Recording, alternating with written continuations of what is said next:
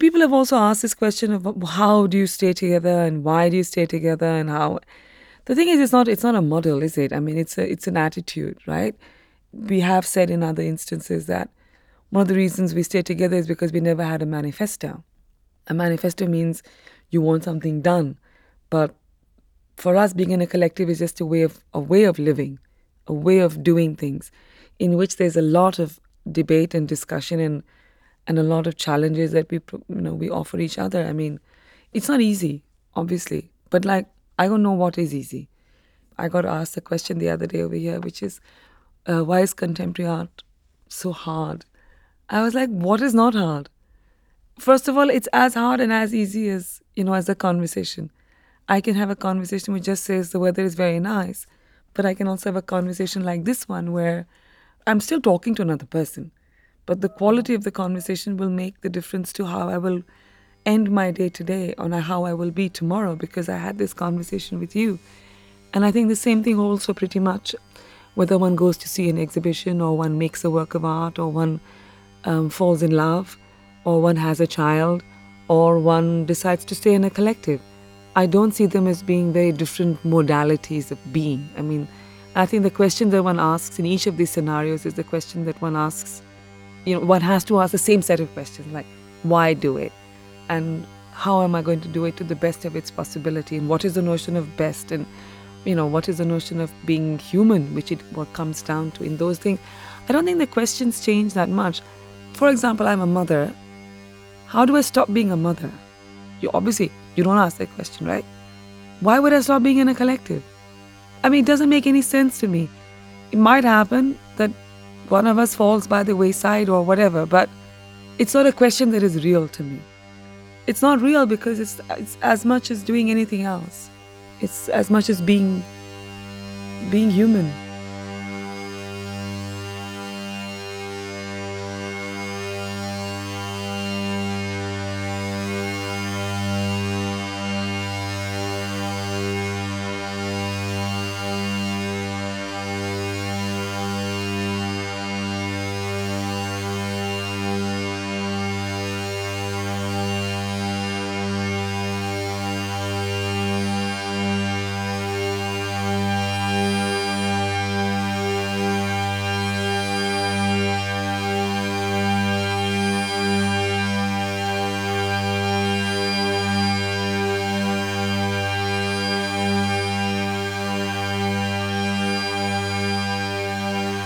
Raqs is a Persian, Arabic, and Urdu term for the hypnotic state that whirling dervishes enter when they whirl.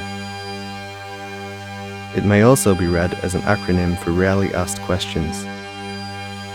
Founded in Delhi in 1992 by artists and independent media practitioners Jibesh Bagchi, Monica Narula, and Shubhabrata Sengupta, Raqs Media Collective addresses and challenges constructs regarding temporality, collective intelligence, activism, and language. It does so through a practice of kinetic contemplation based on different modalities of thinking. There is no clear succession or distinction between theory and practice or action and reflection in the Raqs working process. As in many aspects of their practice, categories collapse.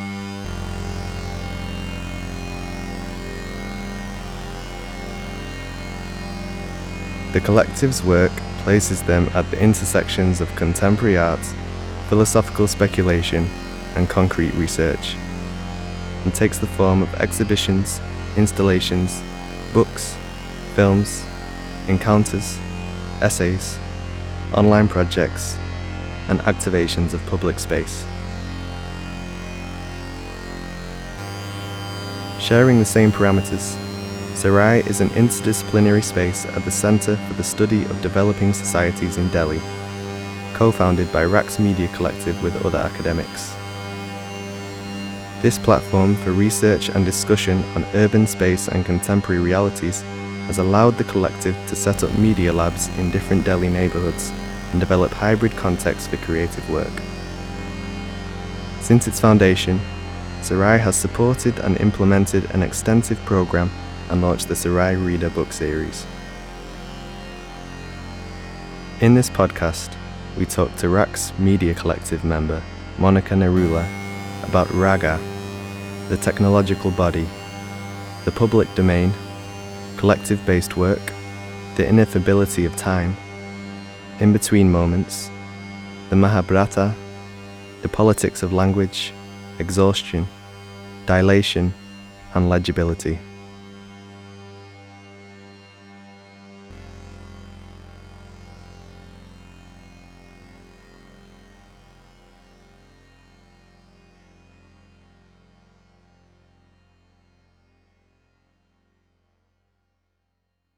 You know, one of the first pieces that Raqs made together was in nine as artists was in 2001, I think, and that piece was called "Location to the Power N," and it was an interesting sort of time because we had just opened this place called Sarai with two academics, uh, Ravi Sundaram and Ravi Vasudevan, in a kind of think tank space in, in Delhi. And what we were proposing to do in that space was very unusual. It hadn't been done in that way in India before a place for interdisciplinary research and practice. And, you know, we'd worked in documentaries before, we've done all sorts of things in our lives, we've written, we've worked on fiction, films, all sorts of things.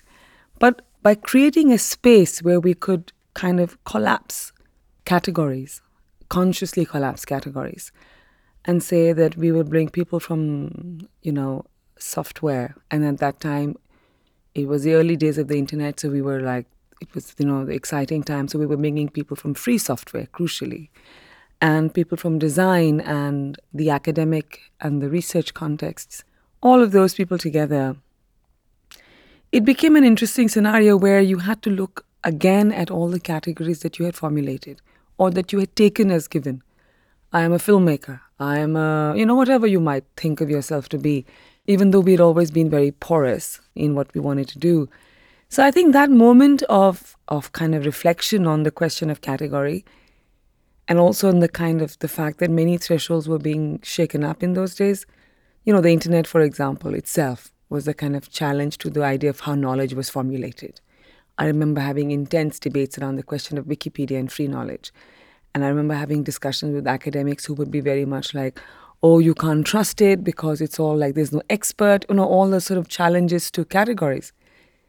And I think that's when one is sort of in that kind of hothouse environment, you have to think. And how you think about the questions of categories became an interesting way of thinking also about the question of time. Not that we were doing it in that sense, like, let us think about time, but like I was saying, the first piece we made, Location to the Power N, uh, we began to formulate. So we made this clock piece where instead of numbers and numerals, what you had were words. And you had emotional states, you had anxiety and duty and epiphany. It wasn't just an individual clock, it was a series of clocks that would be across latitudes. And that's the time, remember, like I said, the internet was changing your notion of geography. The internet was changing your notion of geography as much as it was changing your notion of knowledge. And it was also changing your notion of self because the idea of the avatar was a real one. You could be another person on the internet, and it was a liberating thing, not like the moment now when it's causes anxiety to everyone as to who you are and what is your authenticity and what is your veracity. And also, we're in that sense, we're back to the constructs of the of the real world in the internet too. There's no distinction, or there is an attempt not to have a distinction. But in those days, it was li- it was liberating. I could be a man on the internet. I could be an it on the internet, for example, or the fact that um, the working day was collapsing. I couldn't just depend on eight hours, quote unquote, of the working day, because people were writing to me and I was writing to them, and the time frame. So, so I think it's an interesting moment when you think about questions of time and space were really challenged. I think at that time in the in in the nineties you know, similarly, I think more than 150 years ago, when the railroads became a reality, clocks were invented in that sense because the train had to leave at a certain point and arrive at a certain point. Before that, people had a much more fluid relationship with time. So there are always these moments in history where constructs become hardened. And I think what became interesting was how do we soften those constructs too for us? So we began to soften constructs. We began to look at the idea of time and space and emotional states and the idea of what oneself, how one embodies oneself conceptually in this new environment. And the other thing which was part of that work was a moving androgynous face that moved between the clocks, driven a little bit by the cinema, the Kuleshov experiment in cinema, which is very early days of cinema, which is that depending upon how you edit, a knife, a man's face, and a loaf of bread can be a sign of hunger or murder. I mean, you know, it could be. It's it's it's so much. It's about how you look at things as well. I haven't actually thought these things in this way till today. I think of trying to find the triggers and the receptors for why we began to work in the ways that we did. But I do think that we are all molded by the time and the multiplicity of times, which is also part of our thing because you grow up in a place like Delhi, although not I didn't entirely grow up there, but you know, cultural references. You know, your mythic world is not so far your historic world, you live, walk around the city of Delhi, always stumbling upon a thousand year old buildings. I mean, they look like ruins. Um, modes of transport, you know, simultaneously there will be a cycle rickshaw and a tonga which has a horse, you know, or a bullock. Now it's becoming much less. But in the 90s, you really, there was some, the simultaneity of time. If you took the, a different, like if I took a cycle rickshaw to go somewhere, if I took an auto rickshaw, if I took a car, a bus, you reached at different times. You know, it's it's very banal, but at the same time, I think just having all this swirl at the same time made a new time.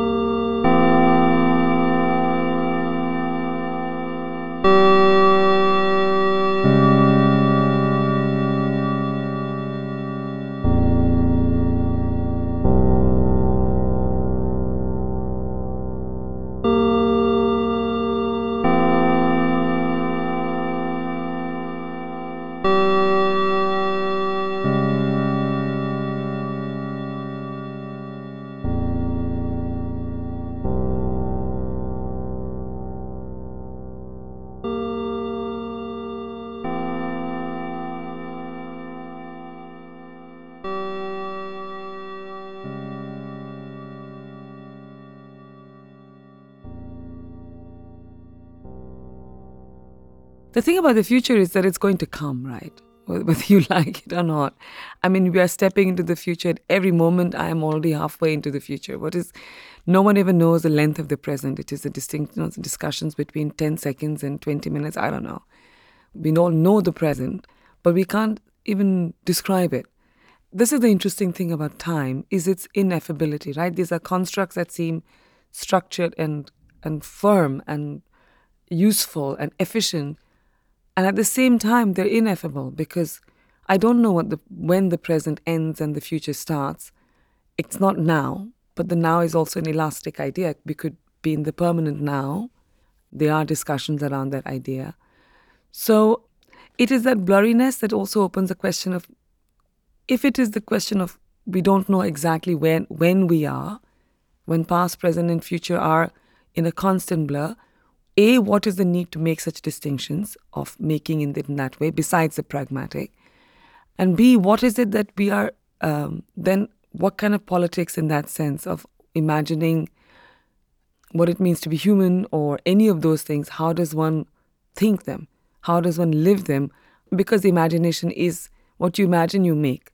What you make, you imagine. Of course, they're you know they're connected, and so um, when we began to think about this exhibition, it wasn't so much the idea of what it is that we that we don't know what the future is, but then how do we think about it? Since instead of looking at even domains of time, we said let's look at other references because other experiences of time.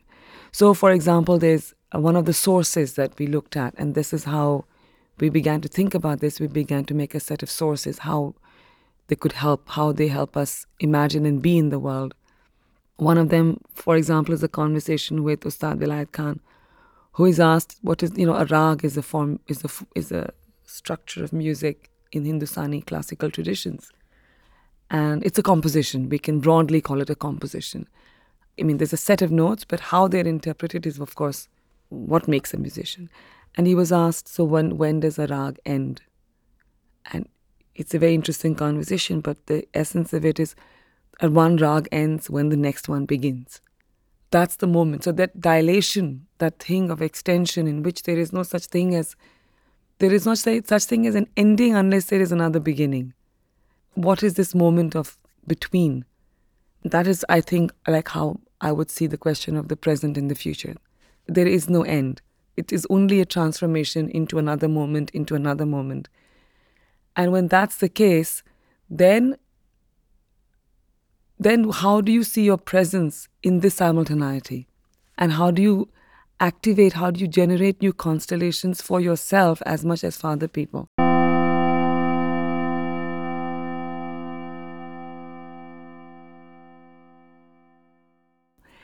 Another source is, you know, of a robot that was working as a, this is an interesting thing, working as a kind of a guard in a mall in the United States. This robot sort of, it looks quite not humanoid, but, you know, it's a long, tallish robot about my, me sized. It does a sort of reading of the ambient readings, and then it sort of drives to the fountain in the mall and falls in without being commanded to, without being asked to. No one knows why it does that. Now, I don't know if this is science fiction. Is it science fiction? There's nothing more poignant than the idea of a robot committing suicide. This is what it sounds like a robot committed suicide in a mall. And the question, the sort of the poignant relationship between agency, who gets it, who quote unquote is given agency, the right to commit suicide, is it machinic? Is it human? In that sense, the question of what propels us, what makes us who we are, and what propels us to do what we do is a sort of essential question. We made a work some years ago called Strikes at Time in 2011. It's a long story, I mean, which is. But first, let me say that there's this moment when we refer to a line written by a 19th century worker who talks about the right to his own exhaustion. He says, I have the right to my own exhaustion. The day belongs to you, to my working demands, to my needs to be a generative member of society, but the night is mine. I will write poetry in the night, I will sing, I will, whatever I choose to do. I have the right to my own exhaustion. This actually is from a quote that is written by a man called Gauny, who was a carpenter, I think, in the book called Nights of Labor by Jacques Rancière, who was looking at the archives. And then the question of the Nights of Labor became the sort of starting point of thinking thinking for the work strikes at time, which was also in dialogue with a group, uh, an ensemble of younger working class media practitioners called the Cyber Mohalla Ensemble, who were looking at our images and who were reading Nights of Labor, which we had actually got translated into Hindi and had invited Rancière to Delhi to be in dialogue. They did have a session together. Long story, but this question of, of the right to exhaustion the right to being able to see the distinction between the self and the other selves that are put upon us. And who is the person? Who is that person? Is a, what is personhood, right? And is it machinic? Is it human?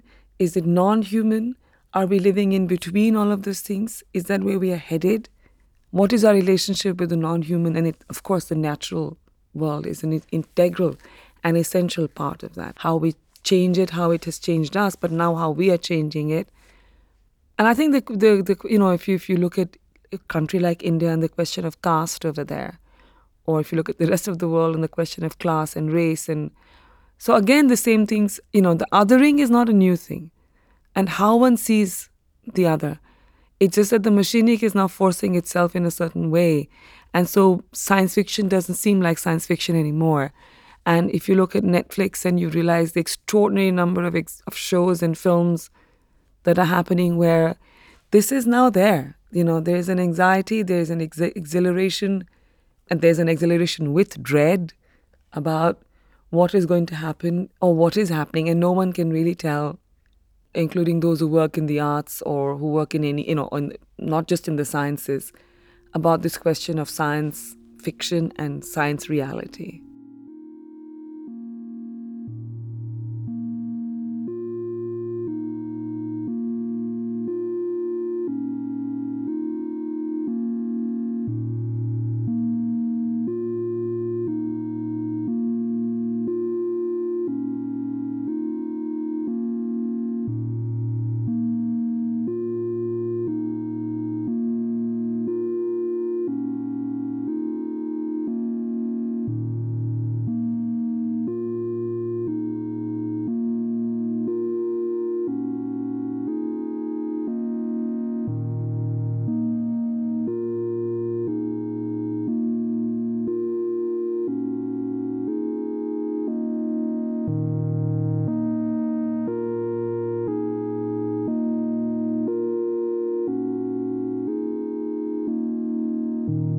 in all of this, what is the horizon, right? What is it that one is looking towards?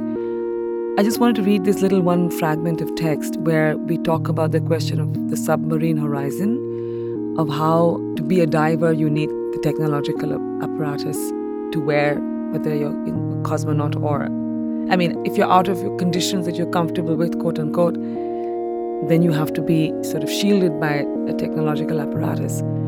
I got a little brief fragment of text that I thought it might be interesting to read out.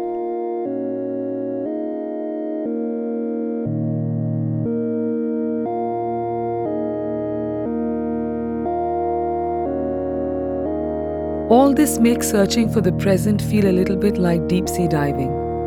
It makes me want to step out and play a bolder hand, to make a large claim. Diving, I am closer to the surface of the earth than an astronaut. But the paradoxical nature of a submarine horizon makes for an experience that envelops and recedes at the same time. We could recognize this paradox as key to an awareness of our experience of the contemporary. The diver's body, the technology of the diving suit and the breathing apparatus, and the medium of water, its depth and pressure, combine to create the perils and possibilities of each dive. Our immersion in the contemporary moment is a similar combination of the limits of our bodily and experiential capacities, and the way in which we deploy prosthetic and transformative technologies to transcend bodily limitations and the perils and possibilities of our times. We are all deep sea divers in the present moment, with our breathing measured, our descent calibrated, our time rationed. Underneath the sea, like in the contemporary moment, the distinctions between experiential highs and lows, between depth and altitude get confused, and sometimes they get reversed. To go low is to reach high. The seeming eternity of this twilight, underwater twilight, makes temporal distinctions between now and then and the future seem suspended in a liquid timelessness. The present blurs into the future all the time, and the future bleeds into the present a little bit at a time. How to dive without drowning in the turbulent waters of now. How to find and share sources of illumination in submarine darkness. When to surface and how to ride a strong current. Why stay afloat on the present moment at all, and what to look for while beachcombing the seafloor of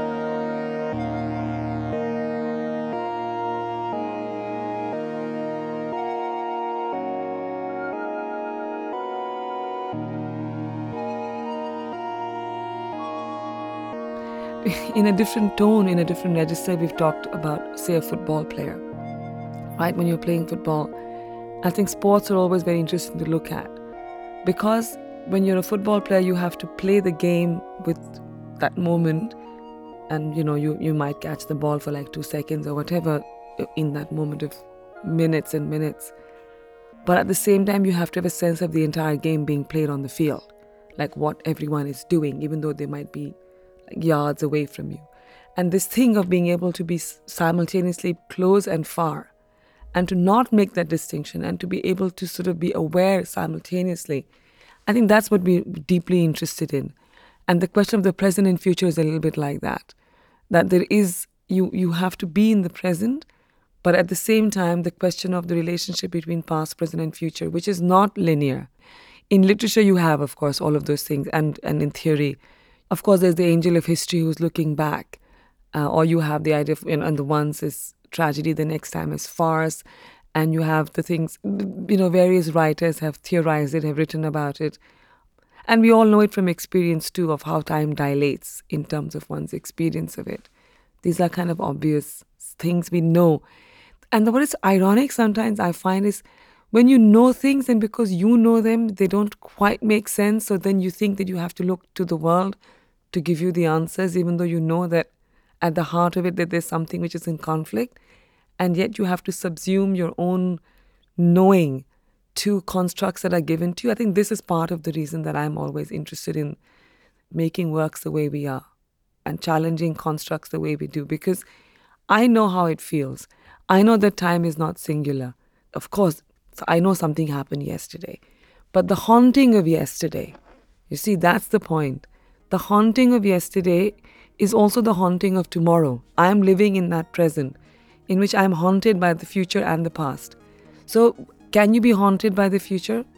There is no distinction if you think about it, because what is yet to come is as much of a is as big a thing as what might have gone. And we see, you know, politically, we see all sorts of games and charades being played by different political figures who are doing exactly what has happened before. So, at the level, from the level of the cliche to the level of the most ineffable, these are not mm, surprises. I think we all know them in our bones. The question is, how does one find ways of expressing them that that are able to sort of erode constructs that are given to us?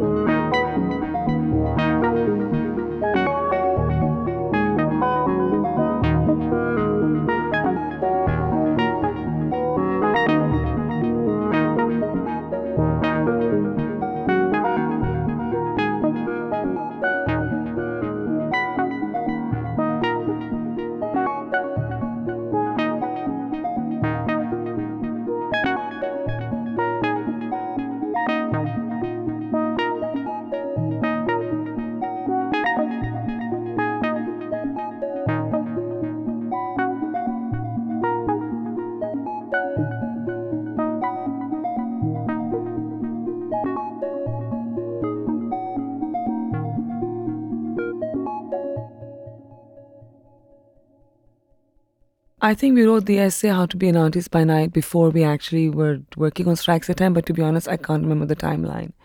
But this question of dilation and exhaustion, I think, is something that is being addressed in the essay. I mean, we've also written in another essay the importance of, of dilation, right? I mean, for example, when you're making a work, you have to create a structural scaffolding for the work, and then you have to take it away so that the work actually has time to dilate our pupils dilate when we walk into darkness. You know, that moment of it's both physiological, it's also more than that, right? And and it's because it's also about awareness. It's also about being aware of your awareness, uh, which I think is a very important aspect of how one even thinks about awareness.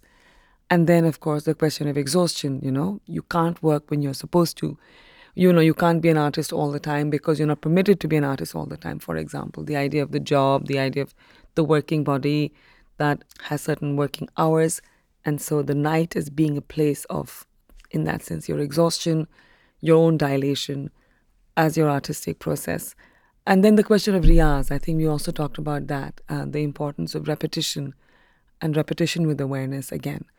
It's not a question of the 10,000 hours. You know, there's a wonderful thing in, in England.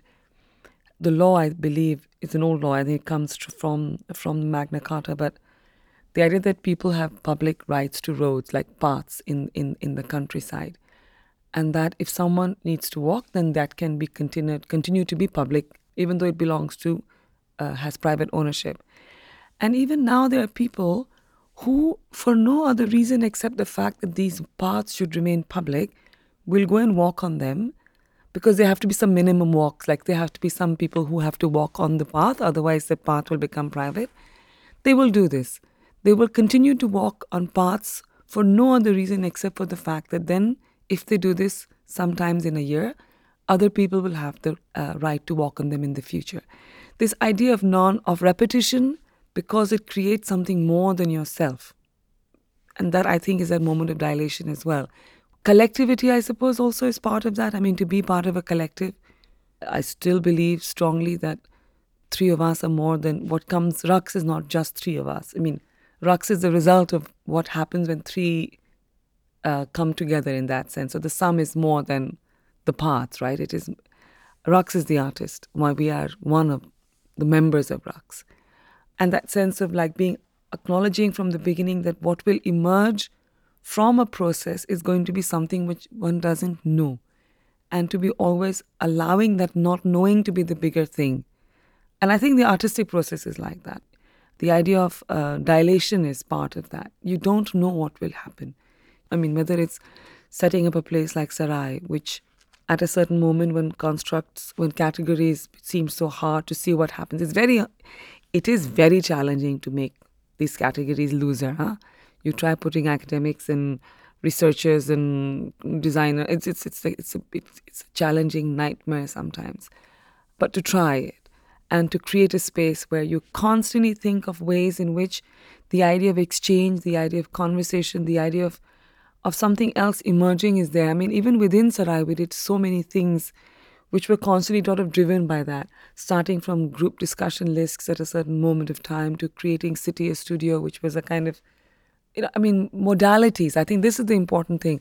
How does one find modalities for for for where people can come together to create something else, not just the three of us, but many, many more people. And I think we have tried to find various kinds of modalities for that. I think curation is one of those. Curation is not selecting that's not curation. That's just selecting. Anyone can select, and it's wonderful that I can give you, I can make a nice list of things and I can share with you. That's that's, that's very nice. Uh, we should all keep sharing things with each other. But curating is not that.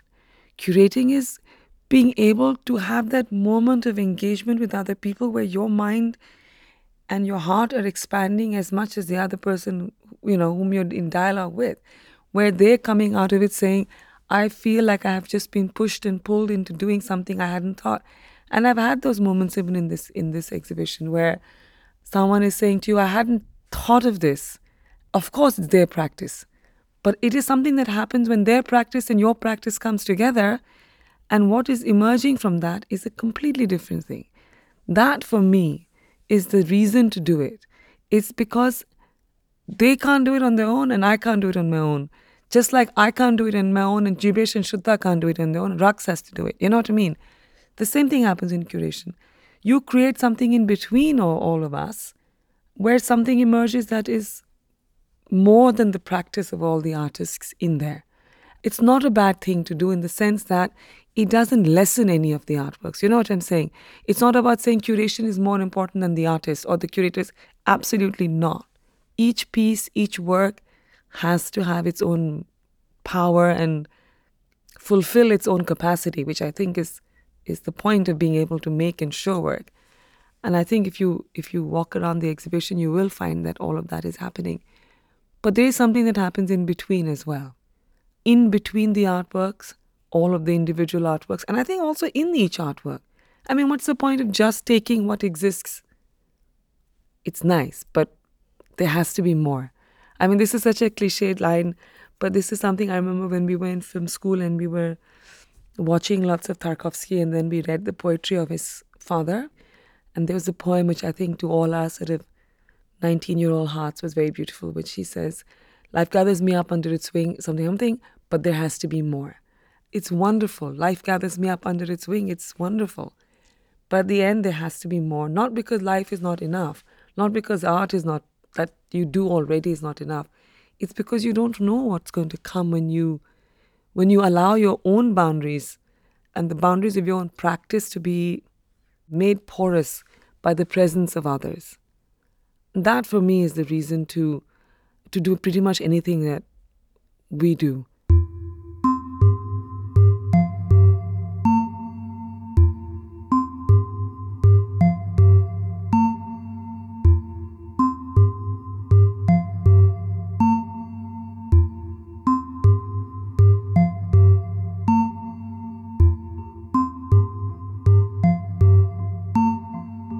In Sarai, many things were being tried out, and I think one of the most important of them was the Cyber Mohalla project. Cyber is cyber, and Mohalla means neighborhood. The premise was that if one creates media labs like we had in our own, like our own one in Sarai, which was you know some computers and some people basically, that you create a similar scenario in, in say in a working class neighborhood with younger people from the neighborhood, and you allow the same space for thought and dialogue and practice, similar register of thought and practice will emerge.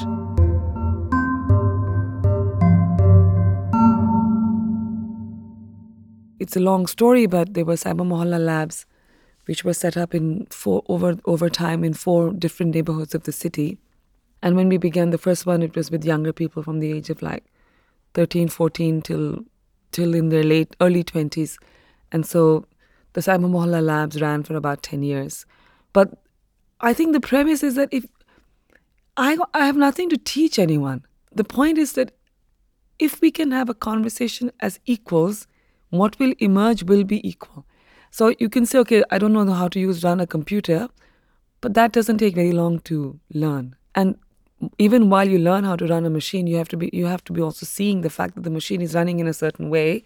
That was the I think the one contribution we did have in the, from the very beginning was to be aware of the structures of setting up things, right? So when you're setting up a media lab, you set it up with free software. And you talk about that as an ethos because in free software, A, of course, you can, everyone has the freedom to download, modify, and redistribute. That ethos was an important, important part of that because it's not, authorship is being distinct from ownership. And the idea of, of cultural modification, which has always been part of our lives, is given the place that it's due and then, when that becomes a mode of thinking about things from the very start, then what emerges in that space is going to have that as a start. And we've written, ab- written about this completely differently in much more recent text in which we talk about foregrounding, about how you foreground something changes the entire sort of. It seems very simple and obvious to say, but it's in, interesting in how it plays out when you're doing it. And so, in Cyber Mohalla, we um, we work with a precept there were lots of, and especially Jeebesh and Shweta uh, Sarda, who were the key sort of uh, prop- proponents of this, along with members of Cyber Mohalla, especially people like Shamsher and um, Suraj, and I mean, and so on. It was really about uh, cr- being able to give each other the space of dialogue and collective discussions. So, for example, something gets written and then it would be read collectively and discussed collectively.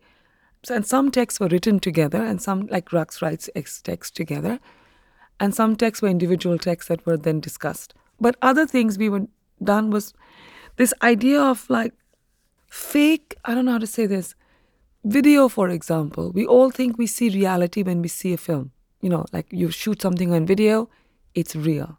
This idea that indexical and truth are the same thing is a, is a huge battle for me. I think for all of us. Indexical is not truth. It may be true, but it's not truth, right? So if I go into a certain neighborhood where the Cyber Mohalla lab is, it looks like a slum. I will take a video of that and say, this is, these are all poor, you know, young, young, poor, working class people who are having, who are being empowered by te- technology. That's one narrative. And video can easily make you see that because technically that's what you see. But that is not the truth. The truth is that there are people who are sitting and discussing and thinking. And when we would talk to people in Cyber Mohalla, and they have said this to other people, what do you do here? They said, we think. Who has the right to think?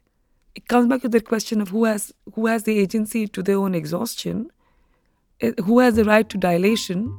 It comes down to that. So it doesn't matter who is the person, what it looks like from the outside. The truth is that it is something else. And so one thing we all agreed on is that there would be no video. Because video makes the indexical the first thing, as opposed to what exactly is being tried, attempted, contested, played out, challenged, thought through, fought over. All of that was going on. So there were just two or three principles, I think, which were like from the very start taken on as starting points. One, what is the kind of ethos? Download, modify, redistribute. That was one. The other one is to separate indexicality from, and so there was the idea of photography. Or the third one, there would be no native informants. This idea, and we had a bunch of people like who would come from, we're doing a PhD, we wanted to. It's like there's no such thing. You can't you can't come and there's not an anthropological site. These are not people who are living differently from you. This is there is no distinction. So I think these are the kind of precepts where you stop othering. Once you stop othering, once you start saying my truth and your truth are truths, once you stop saying that your life and my life are different, once you stop saying your neighborhood and my neighborhood have to run on different principles, I think everything changes from that. And the entire history of the Cyber Mohalla example uh, ensemble is is is an it's you can call it an experiment. You can call it ten years of lived experience, and it comes from that. There are books that have come out of it. There've been interesting videos and texts and dialogues and architectural collaborations and all sorts of things have emerged from the Cyber Mohalla ensemble. That has been crucial to, in that sense, I think, pretty much everything we do. It's not that that was a starting point. I think that that was an sort of articulation in a certain way. But if one looks at every scenario with, like, by asking first principle questions every time, like if I'm curating an exhibition or a biennial, what are the principles with which I am walking into this? And why do I think that some things cannot be asked? And so you start asking and start making formulations which are not easy because it's not easy to start by saying uh, there will be no X or there will be no Y because it seems counterproductive, quote unquote, seems inefficient, seems it bothers everyone, it, it frustrates people because you're like, no, we will not make the top five artist list. We will not. They will not be. Do you know what I mean? Like, there will be no such thing that is obvious and given. It's very hard and it's very tiring, partly because it's attritive in the sense that other people don't like it very much. Sometimes you also get tired. Like, you know, it's hard work to keep asking yourself, and we have lots of fights between us. But pretty much, I think the ethos of sort of asking the ethos questions and the ethics questions first is the only way of, of, of doing anything.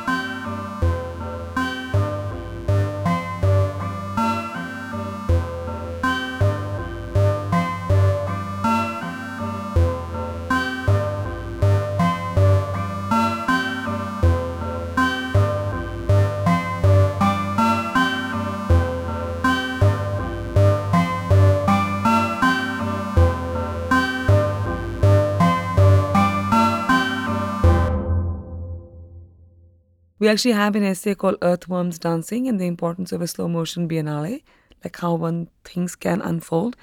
But when we were doing Sarai Sarairira 9, it began um, with architectural intervention and light and sound and and from uh, material from an archive like a spine and proposals, but no art.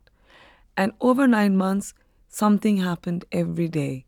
Like things were always in change work was being made, work was being put up, work was being taken down. People began to shoot films. There would be screen screenings. Be, like every day something would happen, and people could and we sort of made sure that people could spend till late at night. They could come. It completely changed. I think it really completely changed for a lot of people what an exhibition, including us, of course, what an exhibition means, and why does art have to come to us in certain terms and what does it mean when you don't do it like that? And what does it mean to be affecting each other's work because you're making something right next to it? and then being in a conversation with other people simply because you have no like proximity will create that physical like actual conversation all sorts of things like that i mean to me the exhibition in a way curatorially is a way of, of making propositions into the world propositions that did not exist in that way until that moment that's the interesting thing about making an exhibition which is diff- which is also what you do in a work of art but in a in an exhibition you do it together you do it with many, many more people. I think in Sarai Reader 9, over nine months, uh, hundreds of people, like I think more than 100 people were quote unquote artists, and there were hundreds of other people who were participating in some form or the other. And even here we have, you know, over time, if you think from a drawing of Bosch to the present, and over collectivities, I mean, the Geba textiles, we don't even know how many women made them over how many days you know, at which time. But we just know we have their presence amongst us with those textiles. So we have expanding collectivities over expanding amounts of time. And we've talked about this in another places the idea of hibernation, that some things hibernate even as a viewer of an exhibition or a work of art or whatever. And it happens in other works, of course. You have you take something in, but it hibernates within you. And at some other point it might come back. And that is a part of the work of the work. It's not separate from it. So an exhibition also hibernates as a thing in itself and also in people's minds. So the idea of the public can be over time. So the future is as much my public. But the idea of the proposition into the world, to make to say something, to articulate something which in that way hasn't been said and might have a moment's value or a longer moment's value or a longer yet moment's value.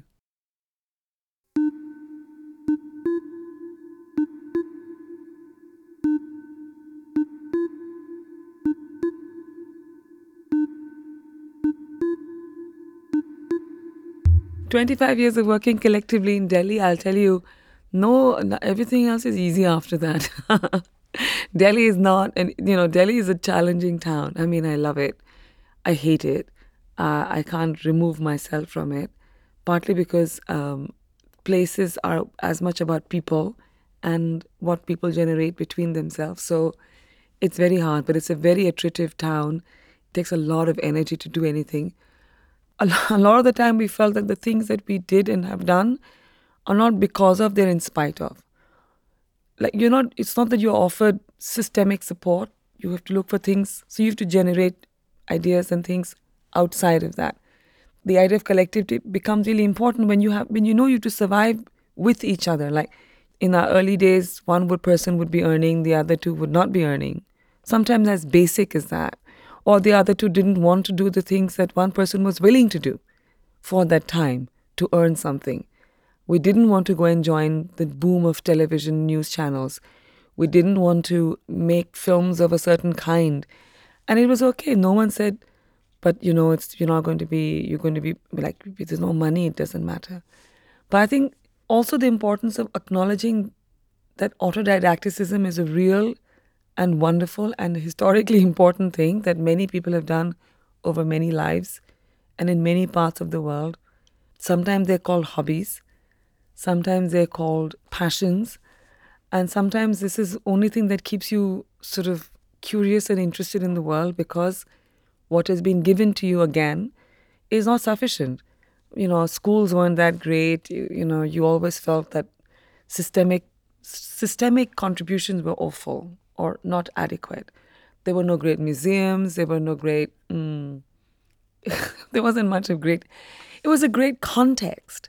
There were great conversations, there were great challenges. Uh, there was politics in which you felt like, what the hell is going on, which they still feel all, all across the world, but you know what I mean. So all of those things, but it wasn't. Uh, which is not to say that I don't think that there shouldn't be. Um, this is not an argument for deprivation. I'm just trying to make an I'm just trying to understand aloud what is it that propel the three of us. I mean, what works for three of us may not necessarily work even for my kid. You know, I, I so I'm not sitting over here and saying deprivation is the way to make collectivity. I'm just saying that when you are willing to support each other in difficult times, it's much easier in, in nice in better times.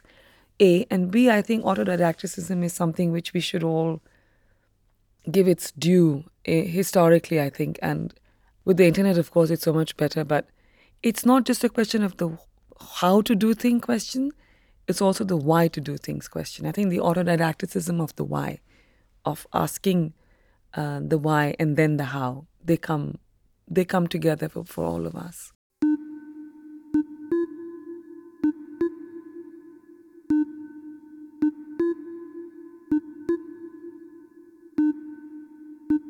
each of us brings has strengths at least in the doing and the making and the, uh, which are very useful usefully different but not just like the doing and the making but also modalities of thinking right? I think someone is more propelled by the informational someone by the poetical someone by the philosophical.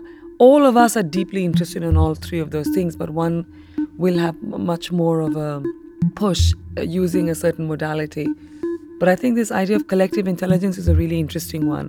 We have recently made a work actually called Art in the Age of Collective Intelligence, which was an interesting sort of story because we were invited by the Laumeier Sculpture Park in St. Louis to make a work for their for their sculpture park. And we began to think about St. Louis, where it was, what it had what had been its past. And it had um, I think the first World Fair in 1904, if I'm if I'm correct. Um, and then there was a Great World Fair, which has always been very. Int- I mean, the World Fair is an interesting history. It's had, you know, the many places it's taken place and and what happened in the years it would happen. That's a whole other discussion. But also, St. Louis was the place where it also has, has Ferguson County, where the Ferguson riots have taken place not so long ago. And so we made a piece called "If the World Was a Fair Place." It was a sort of a question which was asked, and it was a postcard, and a lot of people replied. Of course, fair was thinking about a number of the notions of fair fairness and whiteness and justice, and of course, the joy of being in a fair, uh, which is what the world fair. So it was just playing with all of these words. A number of results, answers uh, came back and we did make um, word sculptures for the for the trees. But what it became really interesting was when we took those fragments of people's responses, our question, our first clause, fulfilled by other people with another clause, then X, then why? you know, then from from the most whimsical to the most moving. But it became really interesting because I think we by, by chance we printed it out.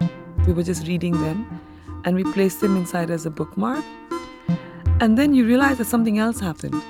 Like what book you placed it in at that point, like, and what the third reading that happened. And then you realize that actually that's what it, that's what collective intelligence is, right? So it is what I start, you end, and then it puts you put it in another context, it becomes another thing. And it's a constantly rhizom it's a rhizomatic experience. Each thing then becomes part of another bigger thing. And so to be part of collective intelligence is something that happens in any case. So, how does one, again, the question of awareness, I think, comes back. How do you become aware of that? And how do you pay the attention that it needs? You know, you live it uh, by being a collective, but how do you sort of extend it outwards? And so it's a, it's a really nice piece called Art in the Age of Collective Intelligence, which is just placing it visually, like there are these images of texts inside texts or next to images. And that we often work with language a lot. And I think this is something that people ask us and we've thought about as much. The importance of language between three people, obviously, because you you know we communicate a lot linguistically. Um, not only, but I mean, the push and the shove are still are still real physical gestures um, between in between all three of us. But when you're three people, you have to talk to each other in multiple languages. And there are things that can only be said in one, and there are things that can only be said in another language. That's also interesting. So, sort of moving between languages, moving into silences, and then realizing that language is basically a way of talking about that what can't be said in a way. Uh, we have a concept which we wrote about some years ago, a couple of years ago, called the event shaped whole the event shaped whole sort of part of the interest is not only science fiction, it's also detective stories and thinking about forensics. But the fact that, you know, th- there's an event that has happened and you can only construct it by, because there's no event, you can't actually have the event. All you can have is a whole that is shaped in the shape of the event. And in a way, language is that for me, for us, I think sometimes, is that with the language, you say that is in between all the words. So I think that event shaped whole is is very much a part of the the poetics of our language.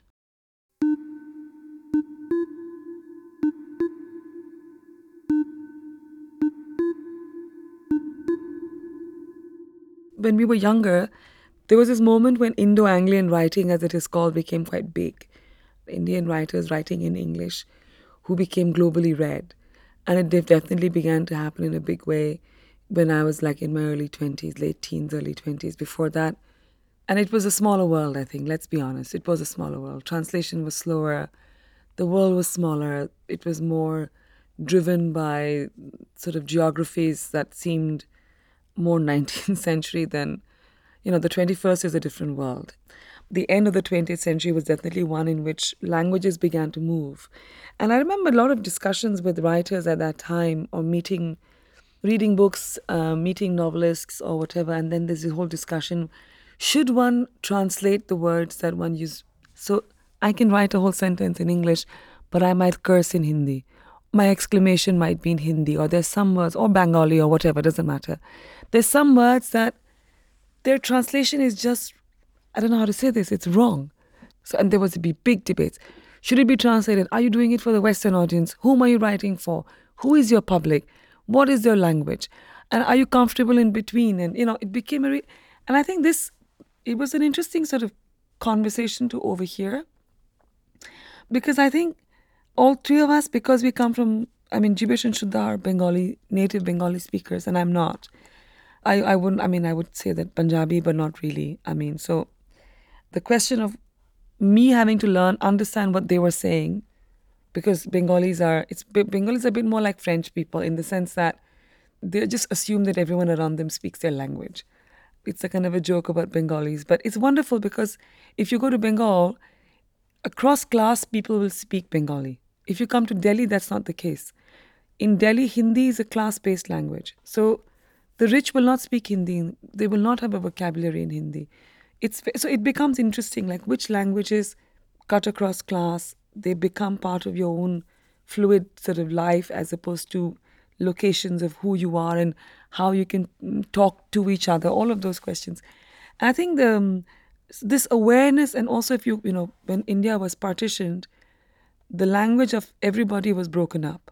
So Urdu, which was spoken on the streets of Delhi, my grandfather only wrote the, in the English script and the Urdu script. He never even wrote the Devanagari script, which is our national language script now, one of our India's national languages. He just didn't because that's not what was taught. Urdu was everyone's language, and after partition, it's become the language of Pakistan. India has a much more Sanskritic because Urdu was a actually Urdu comes from the word yurt. It just meant a tent, where all the languages of the region, from Arabic and Farsi and uh, languages of northern India, all sort of came together to become a kind of a polyglot language. Very beautiful, but after partition, what we have is a more Sanskritized Hindi, which we're all supposed to learn. So, I mean, just saying there's a kind of the politics of language has always been part of our awareness. Like, should one put, we write in Devanagari, should one put a, a, a dot so it, it, goes from J to Z? It becomes a politics of are you are you being pro Muslim or are you being pro You know, it's very interesting. It's really, really a debated thing. Language is not assumed. I think it's never assumed. I mean, histories of France or Italy or whatever we all know that there's been hegemonization of language. Just seemed it was further away. I imagine the same thing in Spain, but I don't know the history of Spain so well. And so, being in a, being aware of the history of language, being aware of, of this constant move of what is the register of the expressible in which language, the politics of that, and the poetics of that. And I think there was a sentence we've used, probably quoting someone else whom I can't remember, which is translation is my mother tongue. So I think when you have so much to do with language, then you become much more aware also of, of playing with it. And I think this is the, the pleasure of it is so deep. I think. I mean, we did a, play, a we've done a piece called the Thirty Six Planes of Emotion, which, if you look at it, looks like these cubes or uh, rectangular cubes of perspex with words written on one side. And it was an interesting story because each of those things is a is collective nouns that we have made for multiple emotions.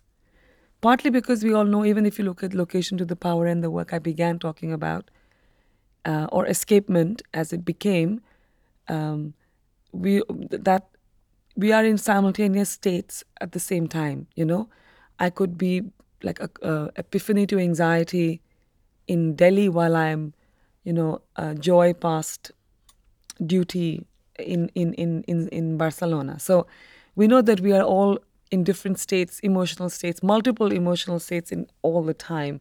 But it became also interesting when we began to think about like a ninth century text by Abhinavagupta, where, he, uh, which is used in for theatrical and uh, by performance people, ancient like older times, uh, who were looking at uh, how does one express multiplicity of emotion. So I'm just saying that, that the, what we were pulling from is so many things, right? So, but we use the collective noun, which is in English, while looking at a kind of Sanskrit text for histories of of how performance, for example, has attempted to express emotion, and we bring them together because we have, like we've said, like all of these histories are ours. Why should I say that I'm regionally driven or linguistically driven when I have access to all of those things? So 36 Planes of Emotion will talk about a bouquet of perfumed cruelties. Because the collective noun in English, you know, we have a school of fish and we have a murder of crows and we have a pride of lions. So we can have a bouquet of perfumed cruelties which we can make up ourselves. And the joy of of trying to find words for that which doesn't exist, as we talked about, which of course shows that you can't talk about it and yet you must. That's also part of the language play, I think.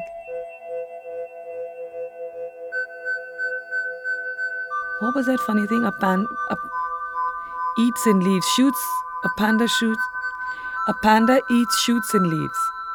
Where you put the comma will tell you either the panda shot someone and left, or panda actually ate some leaves and little shoots that come out of the eucalyptus tree, for example. I think the play with punctuation is the play with meaning, right? I think this question of challenging constructs to find things beneath things to find things along with things, to find things in the shadow of things, to find other things that are overtones and unheard. Punctuation is another play in that. It's another question of awareness of what is it that you're paying attention to. I mean, when we did Shanghai Biennial, we asked the title of the show was Why Not Ask Again?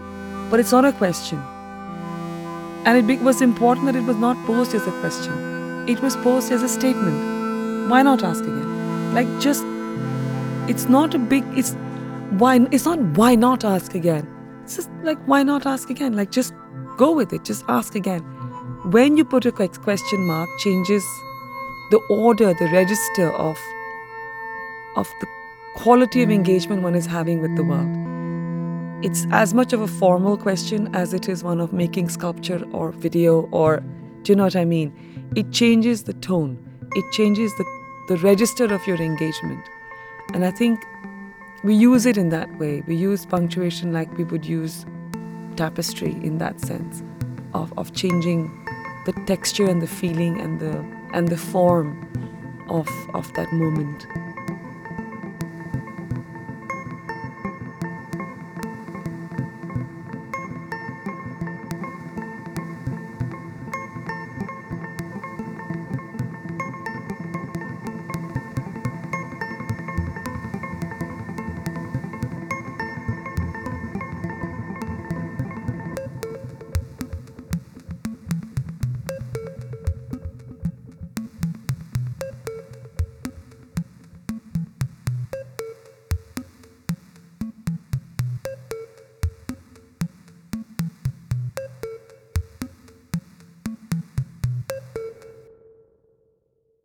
Think the one one word that I would start with is the Mahabharata, which is an epic that is there in our part of the world. It's a very interesting text because if you try and read it, it's enormous. And we first read it in bits and bobs through comics, which is a good way to start reading a, a text that, if you were to actually translate it and comes like 20 volumes or something, if you go by verse by verse, it's obviously in, in meter because it's it's a very old text. But what is very interesting is that even in the book or book or the text, there's no book, even in the text, the figure who is supposed to be the writer is already claiming only to be a redactor who knows the future yet must live the present and who is not making a distinction between the godly and the human, and where the past and the future are collapsing all the time, where figures emerge to fulfill destiny and yet have to show agency, and where each story becomes the beginning of another story, becomes the beginning of another story. You keep losing yourself to find yourself at the beginning or somewhere else constantly. And this is, of course, my reading of the, I mean, our, how we think about the Mahabharata. But I think one can be extremely challenging of and depressed by what is the state of contemporary Hindutva or the way Hinduism is being played out in the politics of India right now. But that doesn't take away from the great kind of things that it has to has had to offer us. And the Mahabharata really is a text of that order because it it has all of this in it. And one of the early works we made was called the K.D. Vyas Correspondent Correspondence Volume One, which we made in 2006. There were these 18 video letters. They all had a name. Uh, the letter of the fugitive, or another letter on declining time, and we collaborated with the architects Nicolas Hirsch and Michel Mueller to make a structure where they were all connected. So these floating, this structure that in which there were two points where it connected to the ground, but all the videos were connected to each other.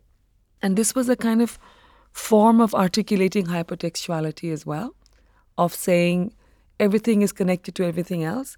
As a matter of fact, I'm going to do exactly what we've been talking about take one story to go into another story if you look at Tim Berners Lee and his interest in, in, in, one of the proponents of the World Wide Web, and what he's looking, reading when he's thinking of the World Wide Web, he's thinking of the Buddhist concept of the Indrajal, which is also to be found in, in Hindu traditions, where everything is a reflection of everything else. The internet is exactly that. One point is connected to every other point, and you can take one thing down, but it does not destroy the thing in itself. Anyway, the, I'm just saying that this idea that everything is connected, that there are stories that might, and like I said about Vilayat Khan, a rag that only ends when another rag starts, a story that only leads you to another story because that is how life is. There is no such thing as the end of something, right? Because tonight, today might end, but it's already tomorrow. And tomorrow is another story, which is also yesterday's story, but it's also another story that has not even been thought of yet.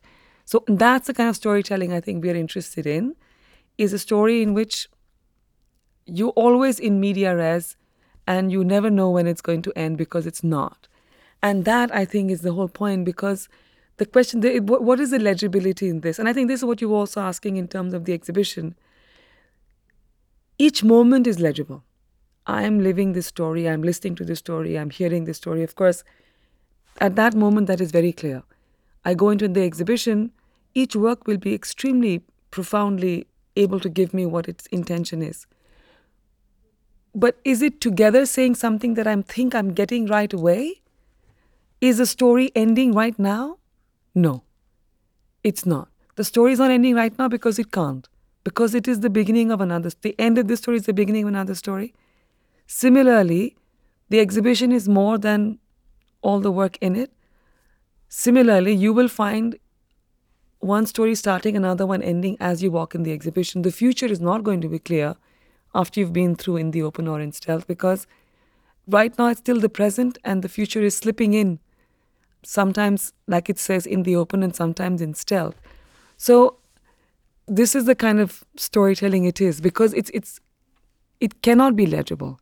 Because legibility implies the end which implies death to me which is also fine because i believe in reincarnation but if you don't believe in that it, the end is the end and there is no end from a completely different uh, point of view, we've also written an actually an essay on this question where we're talking about the excessive transparency and its sort of counter to sort of lived experience. We were having a discussion with Solomon Benjamin, who is an urbanist who was looking at land uh, land right documents and how if you look at certain portions of land especially in bangalore area where his research was you realize that there were people who had been living in that piece of land, which means that they had certain kind of tenure. And if you looked at land ownership in the different pockets, there were multiple claims that existed over multiple documents that existed over many, many, many, many years.